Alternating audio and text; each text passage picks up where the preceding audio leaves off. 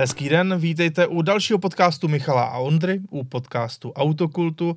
Já se opět omlouvám, stále mám ještě pět stehů ve své puse, což znamená, Michale, že nejen, že tahle část mé tváře nevypadá úplně vzhledně, ale zároveň se může stát, pokud nás tedy pouze posloucháte, nebo i pokud nás sledujete na YouTube, že nebudu dneska mluvit úplně nejlépe. Tedy, No, respektive, jinak řečeno, Michale, ještě hůř než obvykle. Uh, chci to říct, chci říct následující, to, to, si myš, to, co chtěl Ondra říct, milé faninky, pokud je vám Ondry líto a rádi byste ho utěšili uh, ve vašem náručí, pište na chamila.autokult.cz a nabídněte eventuálně teplou náruč. Ano, obě dvě faninky už se hlásí. A jdeme na to, Michale. Ne, každopádně, dneska se trošičku zdravě naštveme. Je to tak. Takhle pěkně na přelom roku je to ideální, podle mě. Trošku vypustit páru a říct, tohle nás štve, tohle je špatně, tyhle věci se prostě nepovedly, anebo naopak se zamyslet prostě nad některými tématy. A ono se to prostě tak sešlo a zase na druhou stranu jako kritika je taky jediná cesta ku předu, že jo, tak Je to pojďme tak. se na to podívat. Já to říkám vždycky. Tak. Ale, Michale, ale začneme něčím na první pohled sympatickým, na první mm-hmm. pohled dobrým. Ať to mm-hmm. není všechno jenom uh, taková ta uh, zášť a já nevím. Ale záš to nebude. My já doufám, že ne, ale ono to stejně někdo takhle bude vnímat, ale samozřejmě to, tak, okay. to tak uh, není. Je to přece jenom, snažíme se o nějakou zdravější kri- kritiku. Každopádně, eh, Michale, co mě trošku štve, ale na co navážeme. Dostupná sportovní auta, i nějaké ostré hatchbacky. Připadá ti, že se něco takového v poslední době moc představilo? Já mám pocit, že všechno jenom končí. Všichni říkají, končí Megane RS. Uh, údajně končí i Hyundai i30N, i když já jsem slyšel, ještě před rokem se mluvilo o tom, že bude další facelift. Mhm. Nevím, prý to končí. A, a takových aut tady máme mraky. E, Myslím si, že končí i to GR86 a Subaru BRZ, alespoň na evropském trhu, což uh, mimochodem uh, moje série videí o Subaru BRZ, tak ta se chystá možná už dokonce první vyšlo, Mhm. záleží, jak to zrovna, Mhm. jak to Mhm. zrovna vyjde, protože jsem nakonec usoudil, že není špatné si takové auto, dokud to jde ještě koupit. Takže, A, ale prostě mi přijde, že už se nic takhle neobjevuje. Všechno to je buď dvoutunové, nebo je to eh, krajně elektrifikované a málo sportovní, anebo je to drahé. Ale o to víc mě tady baví jedna značka, Michale, a to je značka Toyota. Protože ta ještě pořád občas někde něco udělá a teďka vylepšuje své stávající modely. Ještě to není oficiálně představené, ale víme, že se nám ukáže ostrá Supra. Jasně, to není Mhm. úplně zrovna nejlevnější auto, tam bych jako čekal cenu nad 2 miliony korun, ale přesto Supra, která bude mít M-kový motor od BMW. Zároveň bude mít ostřejší podvozek, lehčí kola, aerodynamický paket Mhm. a hlavně zachová si manuální převodovku. ale to jsou dobré zprávy. To není vůbec špatné Hmm. na tuhle současnou dobu.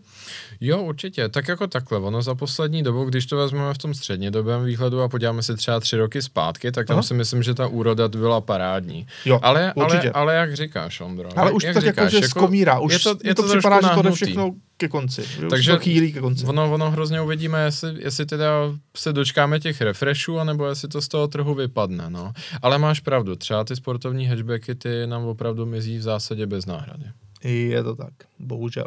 No.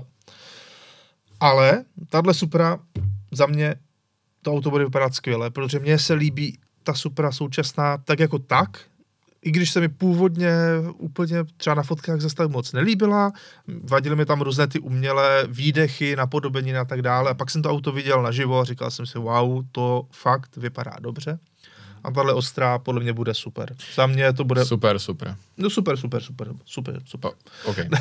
Ne, očekával bych, že to bude vážně, vážně dobré sportovní auto. A já tady vyseknu takovou drobnou poklonu zemřelému Horstu Fuchsovi, A, legendárnímu ano, propagátorovi. Musíme uctit legendu Třeba, třeba VS uh, Platinum. Přesně tak. Um, uh, péče, péče o auto. A, a zeptám pak se. duchovkou a je to v No, pohodě. jasně. Milý Ondro, a je to opravdu všechno, nebo pro nás ještě máš něco? No od Toyoty máme ještě něco. Protože, Ne. no jasně, a když Vážně? zavoláš do deseti minut, tak ti to k tomu přibalím. Tak pojď. A je to facelift GR Yarisu. GR Platinum. GR Platinum, přesně tak. Nejnovější GR Platinum i pro lidi, kterým nefunguje levá noha, jelikož konečně se GR Yaris představí nejen jako manuál, ale na výběr bude i automatická převodovka. A to není všechno. Samozřejmě, to auto bude mít nějaké vzhledové A úpravy. dostáváte. A dostáváte k tomu, jo. Pojď si to všechno sečíst. Koně navíc. Mhm. V Japonsku 300, podobně Mhm. jako má GR Color, Corolla. Kterou, Colora. Colora, ano, to záleží, jestli máš barevnou nebo ne. Mhm. Uh, GR Corolla, tak ta má 300 koní už teďka v Americe, uh, ty auta se dají pořídit i u nás, nově, v rámci našeho Faster Cars Mhm. projektu.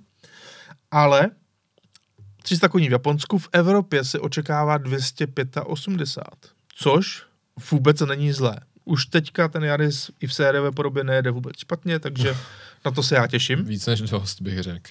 Ano, rozhodně to není jako slabé. Nevím, jak ty vzhledové úpravy. V interiéru se očekává, že by to mělo mít kompletní virtuální přístrojový štít eh, a mělo by to dostat nový infotainment. Že by byl třeba menší, Ondro?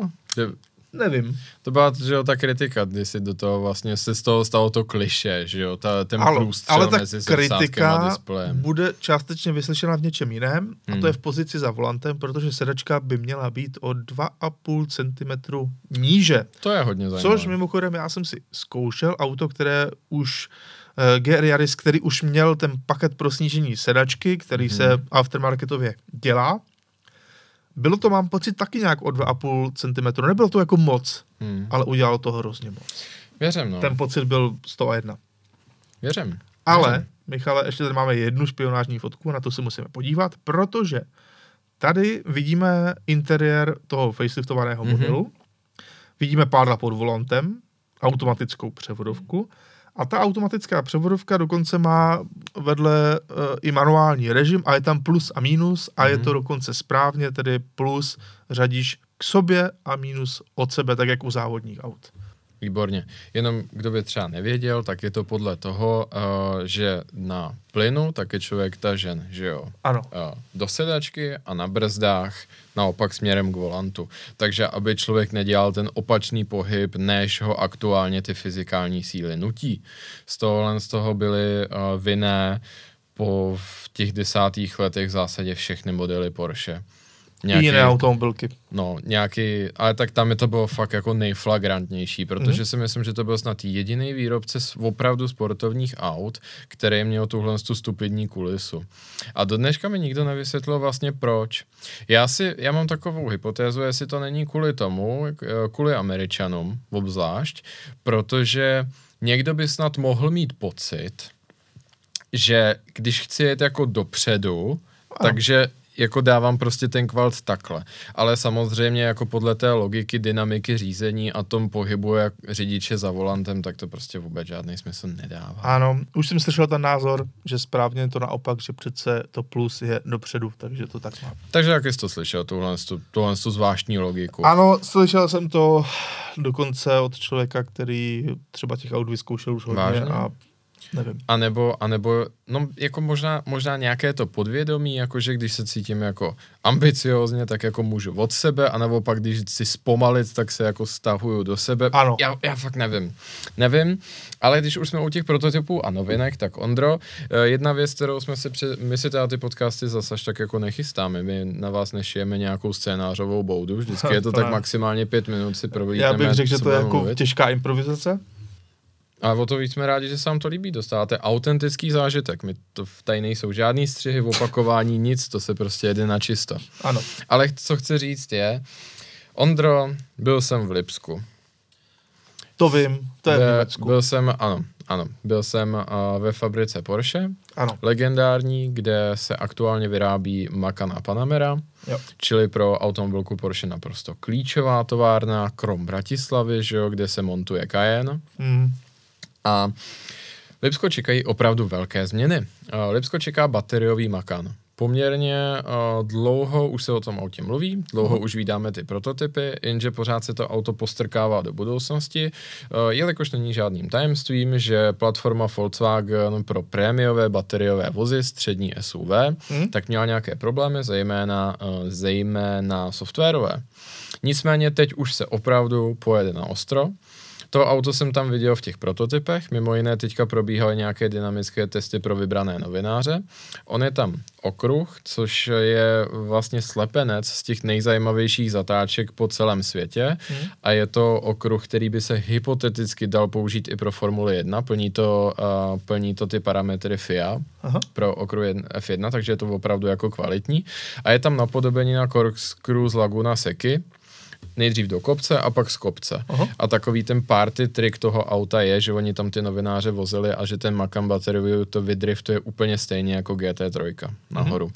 Takže dynamické schopnosti absolutně tomu autu chybět nebudou. Hmm. Dokonce to auto stálo na parkovišti u nabíječky, takže jsem měl možnost si vedle toho postavit mého Makana. Hmm. To auto nové není o nic větší, vypadá úplně stejně, vizuálně, co se týče té hmoty. Hmm. Akorát je uh, nižší linie oken bočních, to je patrné už teď. A co mě teda mrzí na Makanu, uh, berme to samozřejmě v kontextu, není to sportovní auto, je to pořád SUVčko. A mně se vždycky líbil, protože ze všech SUVček má snad nejvíc uh, na uh, nejvíc hmatatelnou a výraznou tu linku, kdy vlastně z těch oken se rozšiřuje směrem do blatníků. Mm-hmm. Podobně jako má 911, že jo? Je to jenom taková připomínka, není to stejný, ale jako je to tam, ta mhm. reminiscence. Mm-hmm. Ten nový Macan jako všechny bateriové elektromobily, tak prostě vypadá jako vlak mnohem víc. Takže má ploché ty boky, mm. protože všechny ty křivky bohužel jako aerodynamicky moc, moc dobrotu nedělají to je ústupek designu a náprava. Takže je mnohem ploší a samozřejmě drtivá většina z těch variant bude mít ta aerokola plocha, kde ten design těch kol tak je naznačený jenom tím, že, že jsou různě vyfrézovány ty hmm. kola, anebo různě prolakovávané, ale kdyby byly v jedné barvě, tak jsou skoro všechny stejné, jsou prostě ploché a ten dě, těch děr je v tom minimum. Mm-hmm. Stejně tak ten čumák bude působit docela hodně agresivně, budou tam světla v zásadě stejná, jako má Taycan, čili uh, ty mm. oblouky ala Porsche, ale sploštělé mm-hmm. na vrchu a ty čtyři body. Tohle je všechno hodně stejné. Zadní partie bude tam opravdu hodně prominentní, uh, prominentně zaseknutý ten ledkový pásek do toho auta.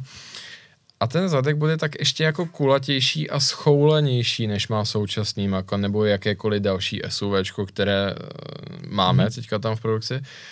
Jako vizuálně tohle ve mně maličko trošku vy, vyvolávalo obavy, protože Uvidíme, uvidíme, jak to bude vypadat, ale bylo to takové jako hodně zabalené. Hodně to vypadalo až jako hatchback, hodně to připomínalo třeba Tesla model uh, Y. Mě to maličko připomínalo. Ono je to aerodynamicky efektivní řešení, ale jako ten vizuál, počkejme si na to, ale co je zajímavé, ten prototyp jste třeba na internetu viděli, že při prohlídce té fabriky, tak já jsem měl to štěstí vidět to auto už odmaskované. Mm-hmm respektive nedostrojené, ale ty podstatné části jsem viděl. Vypadá to, že interiér bude prostornější, bude vypadat mm. hodně jako Cayenne po faceliftu, čili uřízlá ta kaplička přístrojů, prohnutý displejový štít a tak dále. Už teď vím, že to auto bude v takové hnědočervené metalíze, jedno z nich, mm-hmm. velmi zajímavě vypadající barva.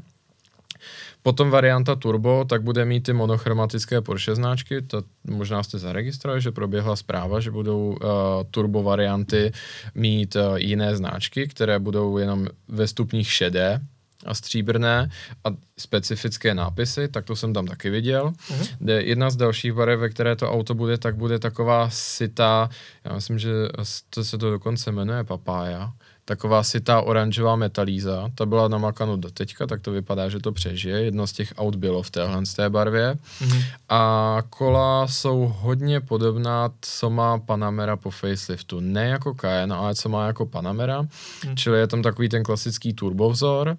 A potom jedna kola hodně připomínají tím vzorem, byť on je jenom naznačený to, co je na GT3. A pak jsem viděl ještě taková jako čistě plochá aerokola ale eh, když jsem viděl tu kostru jet na tom, to šasy toho auta na tom výrobním procesu, tak je patrná jedna věc. Jestli někdo z vás jako chová v hloubi duše, že by třeba jako se to mohlo zvrátit a oni řekli, ne, bude i nový jako spalovací makan, nejde to. To je naprosto patrný, že Hmm. ten čumák není schopen pojmout spalovací motor. Když člověk viděl tu holou kasli, to holé šasy, tak ty montážní body a výstuhy, ve kterých by mohl vyset motor s převodovkou, tak tam prostě nejsou a absolutně si nedovedu představit, že by to tam dodělávali. To auto bude čistě bateriový elektromobil. A teďka možná ta nejzajímavější otázka. A pak začneme nadávat. Ptal jsem, ptal jsem se lidí v té výrobě zodpovědných za to, uh, jak dlouho bude se ještě vyrábět ten současný makán. Mhm. Jak dlouho? A oni mi říkali, no, to uvidíme podle trhu. Já říkám, jako, jak podle trhu? A oni říkali, no, minimálně dva až tři roky se budou vyrábět ta auta souběžně, protože my jsme schopni Aha. zajistit tu flexibilitu na lince, protože i Panamera je spalovací, že ano, hybridní spalovací, Ano, rychlá, ano. pomalá, to je úplně jedno. A i v Zuffenhausenu, že jo, se vyrábí 911 s- částečně společně s Taycanem. A oni říkali, no ale můžeme to ještě prodloužit, když trh bude chtít. Já, ři, já říkám, a jako jaký trh? A oni říkají, no, jasně, jako rozhodně ne Evropská unie. Pro Evropskou unii to auto končí, ale uměle. Jo.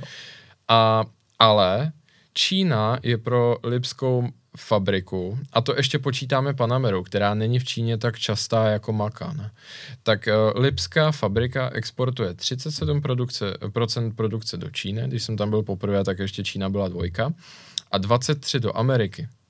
Takže když počítáme správně, tak ono, Ondro, zcela upřímně, ona je ta Evropa zase až tak neštve.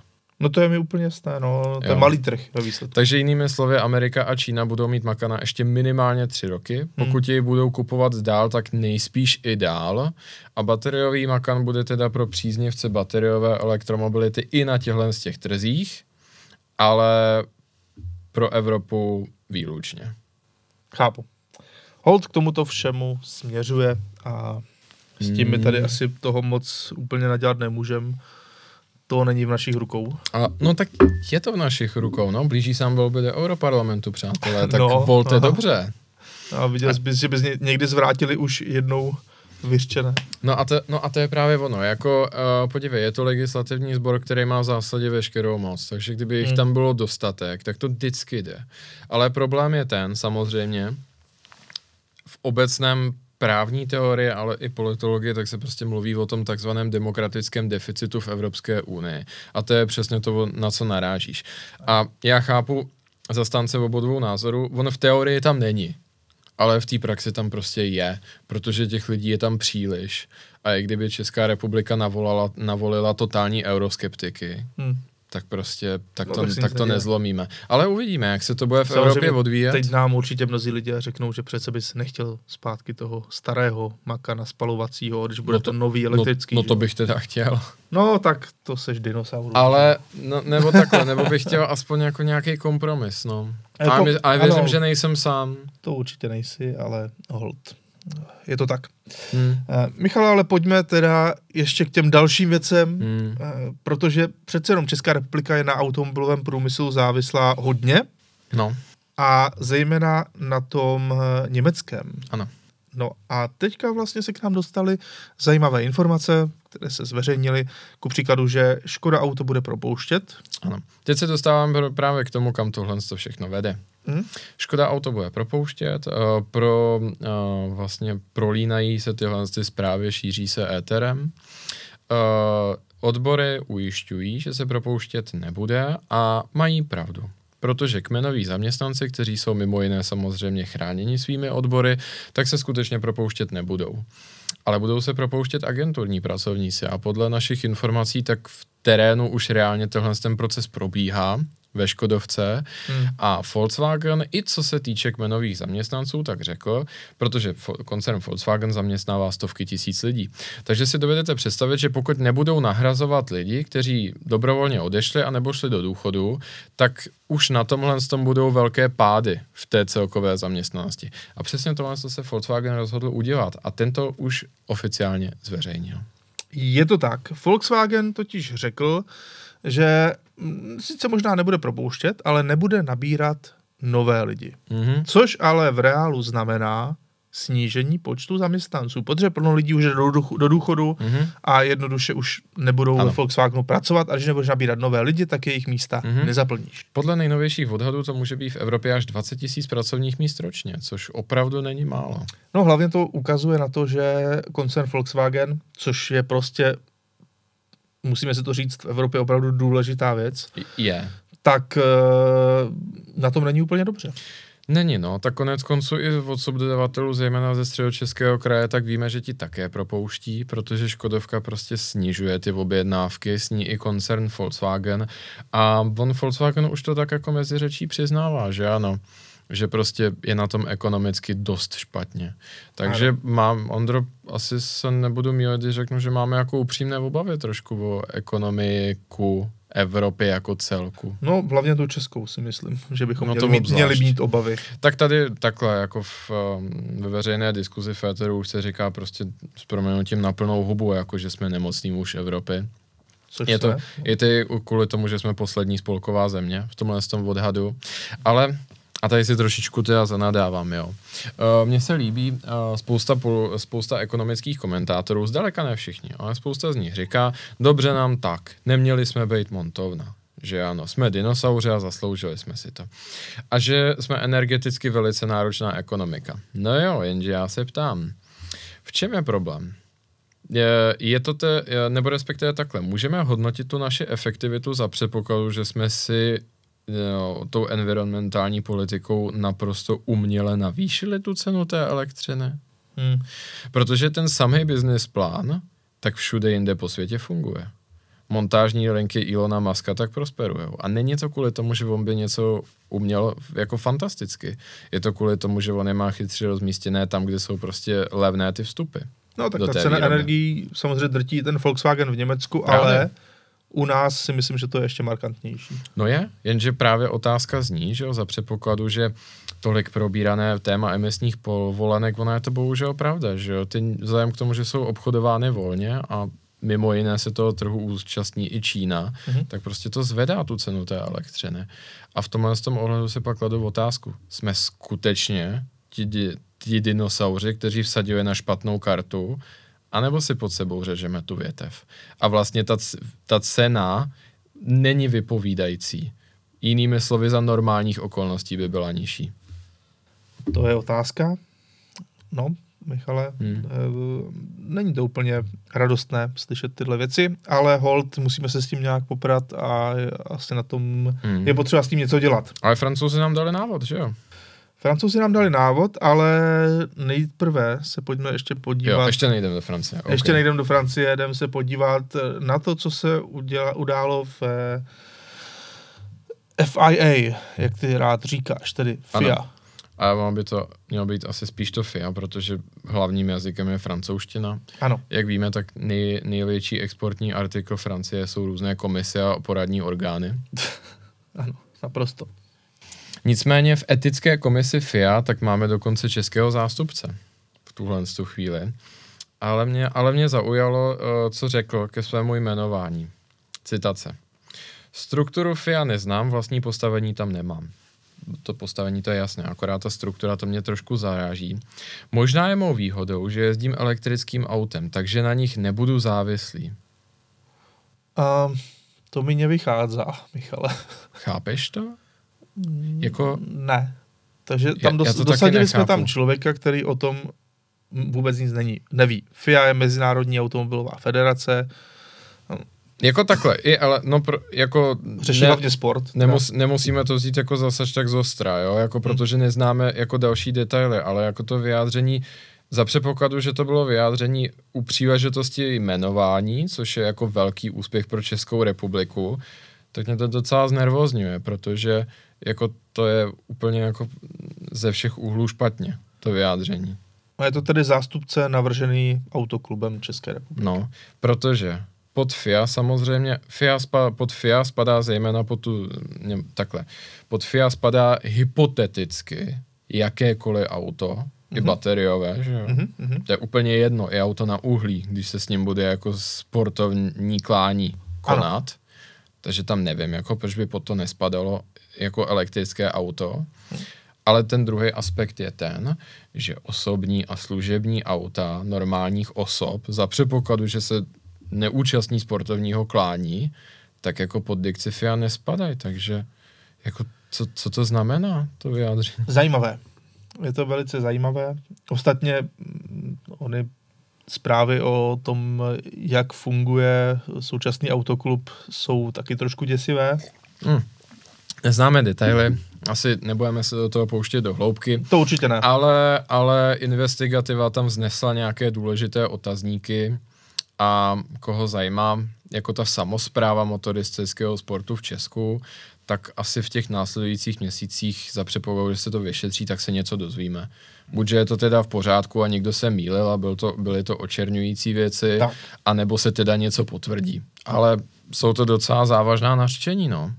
Je to tak, no, tak to máme další takovou eh, věc, která v tomto případě nás tady úplně asi nejlépe nereprezentuje ve světě, protože autoklub a samozřejmě i ten člen uh, eh, FIA tak jsou přece jenom vidět mezinárodně. No, uvidíme, jak, co z toho všechno, všeho vznikne. Ale, Michale, teď pojďme na další věci. Mm-hmm. A mhm. to je zase zpátky trošku uh, do Německa. Mm. Jelikož víme, respektive dobře, teď si pojďme ještě říct něco o... Tady zaskočil zákon. Ano, tady máme totiž daň z přidané hodnoty. To je věc, která je teďka docela zajímavá a je to mm. velmi aktuální, protože ano. mění se nám uh, ta výše ano. ceny auta, které mm, mohou podnikatele uh, uplatňovat ob, odeč, odečet daně. A stejně taky odpisy. Přesně tak. Je to 2 miliony korun bez daně, tedy 2 miliony 420 tisíc korun z daní. Ano. A Michale, co si o tom vlastně myslíme, nebo proč tady vlastně probíráme tohle? Jo, to si člověk třeba řekne, no tak to se většina lidí se to netýká. No jasně, je to, je to samozřejmě tak, ale chtěl jsem se na to podívat z úhlu uh, trhu s automobily. Uh-huh. A možná tady dát opět uh, trošku srovnat některé narrativy, které tady probíhaly v médiích. Opovažuji se říct, že na to tak nějak mandát máme. Je to něco podobného, jako když se hodně spekulovalo o tom, nebo respektive jak když jsme rovnali, že o ten zákaz těch spalovacích motorů a ano. tu eurounijní legislativu. Uh, pojďme se na to podívat následujícím uh, způsobem. Hodně se teďka říká to, že to údajně mělo vyvolat nákupní mány těch nejdražších aut na trhu před koncem roku. Mluvil jsem s prodejci, řeknu na těch správných místech, kteří prodávají ta auta, kterých se to údajně mělo týkat. Ano. A teda všichni mi svorně řekli, že nic takového se nestalo. Že i přes tuhle tu velkou změnu, tak to byl naopak ještě horší rok, než byly ty předchozí, kdy se žádná změna neděla. Mhm. A stejně tak třeba na naší prodejní platformě a jedeš, tak také tam máme několik aut, která tohle to překonávají. Třeba, třeba teďka jsou tam plet Tesly, jo, a ty to hmm. překonávají výrazně a vůbec jako nic se nestalo. Neříkám, neříkám, jako že Tesla je nejprodávanější auto vůbec, ale ptal jsem se minimálně pěti lidí z různých zdrojů a z různých značek a všichni svorně vypověděli, že jako žádné šílenství se nekonalo. Ano. Myslím si, že to souvisí s tím, že přiznejme si to, ekonomicky tady prostě není dobrá nálada. Je to tak, no ale Michale, o co tady vlastně jde? Eh, no. Podnikatelé mohli v rámci svého podnikání si mm-hmm. kupovat auta v současné době v podstatě v jakékoliv uh, ano. cenové hladině ano. a když to auto využívají ke svému podnikání, tak mohli si od něj odečíst, si z toho auta odečíst daň. Ano. A opět, kdo by třeba s tím, s tím nebyl srovnán, nikdy se s tím jako nesetkal ve svém praktickém životě, a, to, a bohužel novináři, kteří o tom často píší, tak to vypadá, že to jako netušej. Hmm. Uh, to DPH vám nikdy stát neodpustí, samozřejmě. To DPH, jeho odpočet je v zásadě jenom odložená platba, protože uh, ty si ho můžeš odečíst ten moment, ale v hmm. momentě, kdy to auto jde do prodeje, tak samozřejmě je nutno z toho DPH zase zpátky odvést. Hmm. Tím pádem a tohle to opět z té diskuzi také nezaznělo a dost mi to tam chybělo. Za předpokladu, že koupíš nějakou vybavenější dodávku, třeba Včkový Mercedes, že jo, mm. anebo i Superba v náloži, Kodiaka, tak po nějakých sedmi až deseti letech, a když to auto bude už dost ojeté, jako v kolik peněz můžeš doufat? 300, 350 tisíc? Teď mi promiňte inflaci, nevím, jaká bude inflace teďka za 10 let. No, já bych tomu řekl, že třeba třetinu, čtvrtinu původní ceny, spíš čtvrtinu. No, no. Ta čtvrtina si myslím, že i tak může být optimistická, ale Tak, kdy... protože když No. si řekl Včko, tak samozřejmě vybavené Včko může stát 3,5 Jasně. a, a pak ta hodnota po těch x letech bude třeba 800, Jo, jo, to máš pravdu. eh, zatímco, nebo 700. Ale já se bavím o autě, který je do dvou milionů vyloženě. No, jako jestli tak, když bereme Superba, který Ano. stojí třeba 1,4, Hmm. tak prostě za těch 7-10 let to bude ta čtvrtina, si myslím. No. No a samozřejmě, že po to, posléze ten podnikatel odvede to DPH jenom z té čtvrtiny. Mhm.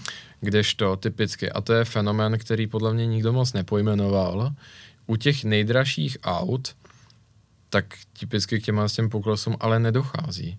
A ne, nejsem si vědom, že by si ti majitelé nechávali ta auta do smrti a jako štosovali je na sebe. Takže zatímco po těch sedmi letech, tak z toho služebního Superba tři čtvrtiny toho DPH jsou fuč, definitivně, mm-hmm. tak jako z těch nejdražších aut, a se tomu té úpravy taky mimo jiné přezdívá Lex Ferrari, tak uh, je to DPH odvedeno minimálně v té stejné výši. Takže mě upřímně zaráží, samozřejmě diskuzi kritické může být podrobeno všechno a vím, že jsou i ty, i ty mm, argumenty na druhou stranu a souhlasím s mnohými z nich, ale vůbec jsem jako neviděl nějaká hmatatelná čísla zatím. A jakoby kolik by to opravdu mělo přinést do té kasy, nebo respektive kolik do té státní kasy by ne, z ní neodteklo. A ten horizont časový. Ale uh, proč, proč to tady jako takhle vypichuju?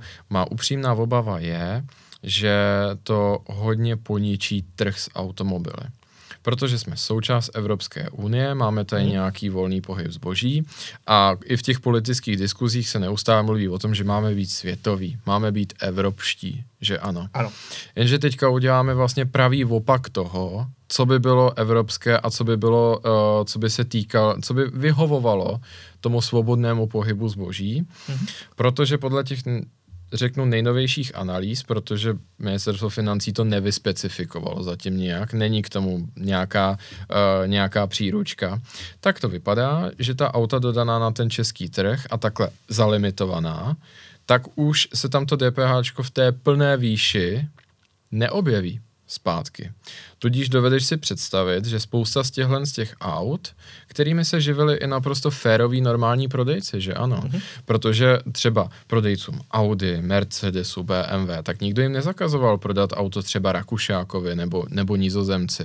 Ano. A nemusíme si představovat, ne Ferrari, může to být jako třeba M4, M5, že jo, nebo já nevím, X7 60i, že jo, to, to No se jasně. prostě vyskytuje.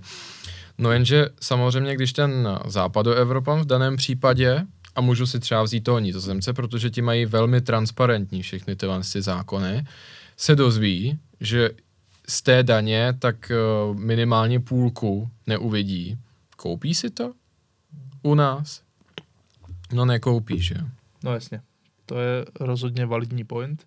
Já bych tomu chtěl jenom říct, že naprosto chápu, že si někdo stěžoval na to, že, Mhm. mm-hmm. čo, že si lidé zakládali firmy, které reálně nedě- nedělali žádný ano. zisk, neměli žádný velký obrat. A to je špatně. A na, to, a na tyhle firmy si, eh, si psali auta, která byla, řekněme, velmi drahá, Ano.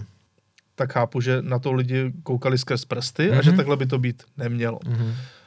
Podobně by spravedlivé bylo, kdyby se ta nějaká hranice stupňovala podle toho, jaká má ten, ta firma obrat. Protože nevidím žádný důvod, proč by si člověk, který opravdu odvádí na daních v rámci své firmy eh, obrovské, nebo ta jeho firma odváděla na Mhm, daních obrovské mhm, mhm. eh, peníze, protože má velmi dobrou prosperující firmu, eh, světového formátu, dejme tomu, Třeba. tak proč by si nemohl jakožto svoje služební auto pořídit, já nevím, nejnaloženější S-kový Mercedes za No, jasně, 8 no. milionů 63. Třeba. Jo, proč třeba. by nemohl? No. Protože on přece jenom odvádí velké daně a ta firma no. má obrovské Právě. obraty, dává to smysl. Právě tam si uhodil hřebíček na hlavičku. Ono to efektivní zdanění v České republice je brutální už tak.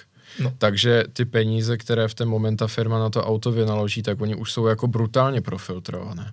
To je jako, když zaplatíš S, za 8 milionů za ESCO, že ano, jako podnikatel v Česku, tak je velmi pravděpodobné, že si vydělal něco kolem 17 milionů, jako mm-hmm. aby ti to prošlo tím sítem. Ad absurdum, kdyby to bylo v Dubaji, tak je velmi pravděpodobné, že by si vydělal třeba 10 milionů nebo 11 milionů, aby si skoupil auto za 8 milionů. Mm-hmm. Takže takže tohle, tohle je opravdu na zvážení a považuji se říct, že finanční zpráva a další orgány, tak přesně jak se říkal, jako na tom se shodujeme, tak už ty instrumenty měly na to, aby hlídali, jestli je to fair, nebo jestli to není to fair. Mrzí mě, že některá média tak tam prostě dávali takový příklad ab- ad absurdum, že si prostě zhýralý podnikatel nebude moc dojet do švýcarského zimního střediska Lamborghini Urus. Ale prostě takhle jako z mého pohledu takhle to není. Je spousta lidí, kteří třeba podnikali 30 let, že jo, to je typické, teďka je hodně velký, časté to odcházení mm-hmm. těch podnikatelů. Třeba jeden takový příklad velmi eh, obchodníka z mého okresu, který byl vždycky férový, slušný, všechno. Mm-hmm a prostě prodává podnik a chtěl si koupit slušné auto, jako to jedno vysněné, ta mysl se mu upnula na Panameru mm-hmm. a jako je to taková tragédie, kdyby si z toho odešel to DPHčko. A to prostě není jako zhýralec, který Urusem jezdí do Švýcarska. To je prostě člověk, který jezdí do pasek nad Jizerou, jo. Mm. No jasně.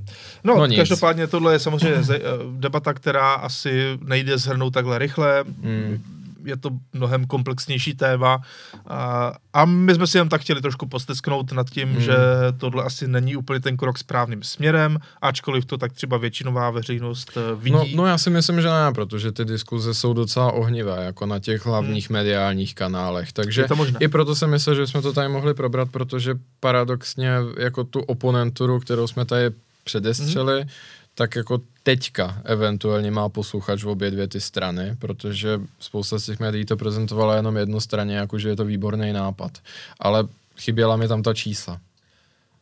Ale no, teď pojďme, dál. pojďme dále, protože v Německu se zase odehrála zajímavá věc.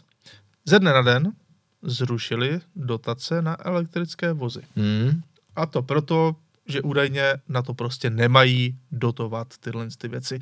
Já osobně musím říct, že podle mě všeobecně dotace nejsou tím správným nástrojem, protože dejme tomu, že většinová společnost se někomu skládá na něco. Ano. A já nejsem o tom přesvědčen, že takhle by to mělo správně být. A myslím si, že trh by měl být v tomhle volný a a měl by se řídit těmi svými zákony trhu. Já naprosto souhlasím. Dotace křivý trh, to prostě tak je mm-hmm. a to mhm. není, že bych teďka tu dotaci kritizoval objektivně, to, to se dočtete v jakékoliv knížce národního hospodářství a ten protiargument, proč může být zase jiný, že jo, třeba mm. je to znevýhodněný segment a tak dále, Jasně. ale, ale konkrétně tohle je dost velký problém a právě ta Evropská unie, jakkoliv jedním z jejich poslání by mělo srovnat tu úroveň jako napříč tou 27, tak obzvlášť teďka se nám jako úplně rozpadla do totální mozaiky, kde všude jako platí něco jiného, že jo, jsou úplně jiné ceny elektřiny a třeba ne, v do, dobrý jako tam Lukáš Kovanda to teďka říkal, jo, že obzvlášť po tom covidu a po té vál, během války na Ukrajině, tak se nám ukazuje, že jako ta morálka stran dotací v Evropě se úplně rozpadla mm. a prostě popojedeš 150 km a všechno je jinak. Takže ano. nebylo by od věci to trošku srovnat. No a já bych na to jenom chtěl eh, vlastně navázat, protože v Česku naopak se teďka chystají dotace na elektrické vozy hmm. pro podnikatele, Uh, což vzhledem k naší finanční situaci v Česku nebo státním financím není úplně asi mm, to pravé, co bych já osobně chtěl podporovat. Hmm, to jsme zase u, jako u toho postavení toho podnikatele. Mm-hmm. Opět, taky si myslím, že to není úplně esenciální a byly by i jiné způsoby. No to, to je právě ono, no, jakoby proč v postmoderní Evropě tak se zásadně nějaký peníze jako dávají já bych, já, jako dala by se vzít i incentiva, která by fungovala na tom způsobu, jako že ti to nevezmou, když to uděláš. Samozřejmě, je to, je to, je si to velmi blízké, ale v tom reálném, v té reálné aplikaci, tak jako to má spoustu výhod tohle. Ale obecně za to samozřejmě potřebujeme ozelenit ten průmysl a tak dále a tak dále, ale zrovna, zrovna ta elektromobilizace těch flotil jako užitkových vozů, taky si myslím, že by to mohlo počkat. Uh, no, jdeme ale dále, protože ve Francii vymysleli zajímavou věc, právě se taky týká dotací elektromobilů, ale jak všichni víme, oni se na nás docela hrnou elektromobily z Číny. Zatím teda převážně pod evropskými značkami, protože mnoho původně evropských značek, tak dneska už prodává čínskou techniku ve svých autech. Chystají se k tomu různí, ale víme, že MG je kompletně čínské, ačkoliv to bývala britská značka. Víme, že eh, čínské elektrické vozy jenom pře, eh, řekněme, přebrandované nabízí značky, nabízejí značky Smart, nabízejí značky eh, Volvo a Polestar a přidávají se další a další. Ale plno elektrických aut se v Číně prostě jen a pouze vyrábí. No a ve Francii si řekli, že to není úplně dobře, ale šli na to zase trošičku, řekněme, šalamoucky a jejich dotace se v současné době tedy budou týkat jenom aut, která jsou vyrobena ekologičtěji. Což auta z Číny úplně nejsou, jelikož čínský průmysl je často založený na uhelných elektrárnách. A právě to francouzi kritizují a tak říkají, že celá řada elektromobilů, která se ve Francii prodává, tak vůbec nebude moci dosáhnout na dotace právě z tohohle ekologického důvodu. A teď se podržte. Jsou to i vozy jako Dacia Spring, která se vyrábí v Číně a je to malinké, lehké elektrické auto. A nebo Tesla Model 3. Ale paradoxně Tesla Y, tak ta je ve Francii v pohodě, protože se převážně vyrábí v Berlíně. No, Michale, ti na to zase vyzráli, ti francouzi, Ti na to zase co? vyzráli, v tomhle, v tomhle tom jako v regulaci obecně, tak to je jejich jako naprosto královská disciplína. Ano, ti dokážou zregulovat úplně všechno. Přesně tak, ale já musím říct, že já jim tentokrát tleskám. Tohle je majstrštyk. Uh, dlouhou dobu jsem na něco podobného čekal, protože uh, dostala to uh, do své dikce Agence de la Transition écologique, neboli no. Jedna z dalších milionů agentur, že jo, Agentura. francouzských. Agentura ekologické transformace, jinými slovy. A ta řekla, že účelem dotací, které jsou samozřejmě od daňových poplatníků z Evropské unie a zejména z Francie, tak není lidově řečeno futrovat azijský průmysl, přičemž zjistili, že v minulém roce až 40% z 1,2 miliardy eur definitivně odešlo na Dálný východ. Ale uh, to je jenom jedna část toho příběhu. Jde o to, že tahle ta agentura tak prostě uh, dala dohromady takový agregovaný index uh-huh. těch celkových emisí a to je to, z čeho já jsem aktuálně naprosto nadšený, protože oni konečně navázali ty emise nejenom na to, že to nemá výfuk, což je prostě alibismus za mě, mm-hmm. ale na celkovou emisní stopu auta od jeho počátku, od samotné výroby až do sešrotování. Konečně. A to si myslím, že koneč, konečně jsme, na, někdo měl tu odvahu dát to do praxe, konečně na to někdo kápnul, protože to je přechod od alibismu k opravdové ekologii. Jedinou a... chybku to má v tom, že by to podle mě nemělo být na dotaci, dotaci mm-hmm. bych nedával vůbec žádnou, ale mělo by to být na celkový zdanění toho auta. Teďka jsem to, to řešil jedním, tak, teďka jsem to řešil jedním kamarádem, inženýrem automobilovým a říkal jsem, že si i dovedu představit, jak by to jako mohlo vypadat, aby to, bylo by to velice složitý, takový agregovaný index, ale ale aby to celkově odráželo, co fakt to auto planetě dělá uh-huh. a podle takové mojí skromné hypotézy by pak vyšlo něco jako celokarbonová BMW trojka range extender s palovákem a nějakou baterkou. Protože váha, váha, váha a recyklovatelnost, to, to jsou ty hlavní parametry a tam si myslím, že bychom skutečně jako pomohli té planetě hmatatelně. Ano, každopádně, ale proč tomu taky tak nějak tajně tleskáme, hmm. že ti uh, Číňani, kteří, řekněme si to na rovinu, nebyli vždycky úplně fair, hmm tak teďka dostali taky trošku takový ten neférový políček. To je něco, když se koukáš na hokej a teď prostě, jo. že jo, někdo udělá faul a ten se nepískne, hmm. tak ty potom fandíš tomu, tomu jako hráči toho tvého oblíbeného týmu, hmm. že taky sfauluje. Jo. Na co narážíme? Samozřejmě Čína je proslula tím, tím, že absolutně kašle na jakákoliv autorská práva, průmysl, průmyslový design a tak vůbec. Ano. A velmi flagrantně to dávali posledních 30 let najevo.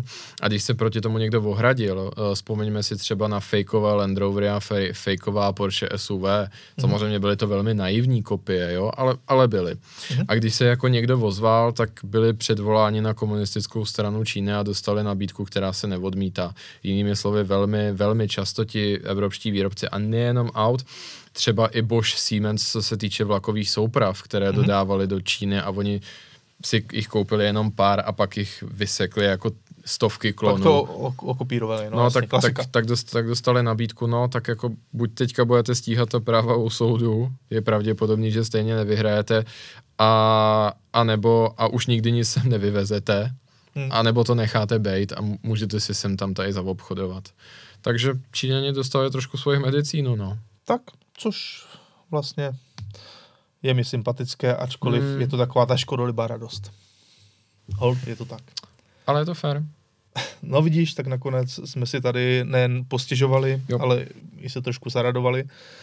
Ale, Michale, ještě tady musíme probrat jednu věc. A to je, eh, řekněme, tragédie, která se pojí se značkou McLaren, protože oni už fakt neví, co by a bohužel ty jejich výtvory jsou pořád na to jedno brdo, protože teď se představila novinka McLaren GTS, mm-hmm. Což je facelift McLarenu GT, což byl McLaren, na který stále, jste nejspíš úplně zapomněli. Ano, na který jste nejspíš úplně zapomněli a který eh, se snažil poskytnout více cestovního komfortu než jiné McLareny, ačkoliv je to stále ten McLaren, který eh, vychází z té koncepce s motorem uprostřed, eh, s podobným tvarem jako všechny ostatní McLareny, což, možná s výjimkou Seny, což je za nás malinko ten problém, ta auta prostě tak nějak jako skomírají, jsou si podobná vejce, vejci a bacha teďka, ať si to trošku vyjasníme, není to hate na, na na McLaren jako na to auto konkrétní, protože když se v tom svezete, já jsem nějaký McLaren řídil, mm. je to naprosto dechberoucí, velice zajímavá záležitost. Ale jako celek ta značka už prostě trošičku skomírá. Uh, teďka nedávno jsme to tady probírali, že jo, když uh, jsem se probíral to, těmi jejich účetními mm-hmm. doklady a vůbec reporty. uh, nabrali jednu novou velkou investici, takže uvidíme. Oni konec konců potřebovali jako sůl, protože hodně se vypláceli na Artuře a jejím vývoji jako hybridním šestiválci. Mm-hmm což je nový nosný model, naprosto klíčový pro McLaren. McLaren GT, no, to bylo vždycky jako takové taková znouzectnost, respektive ta očekávání byla poměrně velká. Připomeňme si, to auto je uvařené z 570. Má to větší kufr. Přesně tak. Je to 570, která má mít prostornější, prosklenější kabinu a dozadu se má vejít v golfový back. Jenže a má ten, být pohodlnější. Ano. Jenže ten problém, který se stal po cestě, je ten, že za A, podle mě to auto se prostě lidem nelíbí a já vidím proč Hmm. Prostě není to kdo ví, jak lákavý design. Oni se tak snažili, aby to auto nemuselo mít zase tak velký lift, že to auto je prostě vysoké a ono, když ho vidíte v reálu, tak to není nějak zvlášť líbivé. A nemluvě o tom, že přesně jak se řekl, jako ten rozdíl oproti, protože připomeňme si, ona existovala 570S a 570 GT a 570 GT a tohle tak to už jsou jako milimetry rozdílu a ta 570 GT aspoň byla koukatelnější. No tak tohle je samozřejmě GTS jakoby facelift ano. Eh, toho samého auta, což znamená pár koní navíc. 630 koní úprav. v součtu, mm-hmm. 1520 kg, pořád celokarbonové šasy. Uh, upřímně mě by zajímalo, snažil jsem se to dohledat, nemohl jsem to dohledat, možná, já si myslím, že to bude záměr. Mm-hmm. Absolutně netuším, kolik se těch aut do teďka, těch GTček před, tady, před příchodem GTSa prodalo a vyrobilo, protože já jsem ho viděl v životě jednou jedinkrát v McLarenu ve Stuttgartu a to byl ještě v podzemním skladu, ani nebyl nahoře. A naživo jsem ho neviděl ani jednou, to auto. Hmm. Myslím si, že to vypovídá o tom dost. Uh, nadále to tady má být cestovní supersport. Teďka se možná ta atraktivita trošičku zvyšuje, protože 570 a 540 jsou definitivně pryč, mm-hmm. takže tohle je vlastně poslední auto od McLarenu z té nižší série, co si můžete koupit a je to osmiválec a. bez hybridu. Hmm. A ta cena je furt docela OK. Jako to by mohlo plno lidí nalákat. No. Vem si, kolik lidí zlákalo třeba F8 Tributo od Ferrari, ano. když přišla 996, což byl šestiválcový hybrid. Ano. A fantastický samozřejmě dlužím dodat, ale ty osmiválce od McLarenu prostě už mít nebudete. Máte hmm. hybridní Arturu a tohle auto se stává pohrobkem té původní Sport Series. Takže když by někdo chtěl osmiválec od McLarenu a ušetřit výrazně, hmm. oproti 750 a všemu tomu, co je nad tím, mm-hmm. tak by tohle to mohla být odpověď. Co samozřejmě stále zůstává na stole je, jestli se vám to líbí, protože opovažuji se říct, že to auto prostě není na první dobrou líbivé a ono konec konců máme přímé srovnání za mě, ačkoliv třeba Top Gear se tomu, jak si jim to nedošlo, nebo se tomu vyhnul. Za mě jako Tourer Super Sports, tak vlastně nejbližší konkurent tohle je MC20. To mě přesně napadlo. Ono teda popravdě ze zadu jsou si ty auta trošičku podobná. Trochu jo. A pak záleží jako na osobně vnímání, jestli se vám víc líbí MC20 nebo tohle. No. Ano, no tak to jsme si zase trošku posteskli, že některé ty automobilky podle nás malinko bloudí, což zrovna je případ tohohle faceliftu McLarenu GT, dnes GTS. Každopádně, my jsme se takhle vypovídali mm. a teď je to na vás, na našich posluchačích a divácích když nám do komentářů pod YouTube napíšete váš názor třeba jenom na jedno z vybraných témat, které jsme tady dneska eh, prezentovali, třeba nás i nějak obohatíte v rámci diskuze, budeme se to rádi, rádi si to přečteme, takže schutí do toho. No a my tímto, Michale, můžeme ukončit další díl podcastu Michala a Ondry a to znamená, že ještě není, já třeba teďka úplně přesně nevím, který den tenhle podcast vyjde ale hmm. je možné, že se to stihne ještě do konce roku, takže ten příští hmm. podcast už bude novoroční. 2024 novoroční, takže se na vás budeme těšit zase v příštím roce a děkujeme za vaši přízeň. Děkujeme.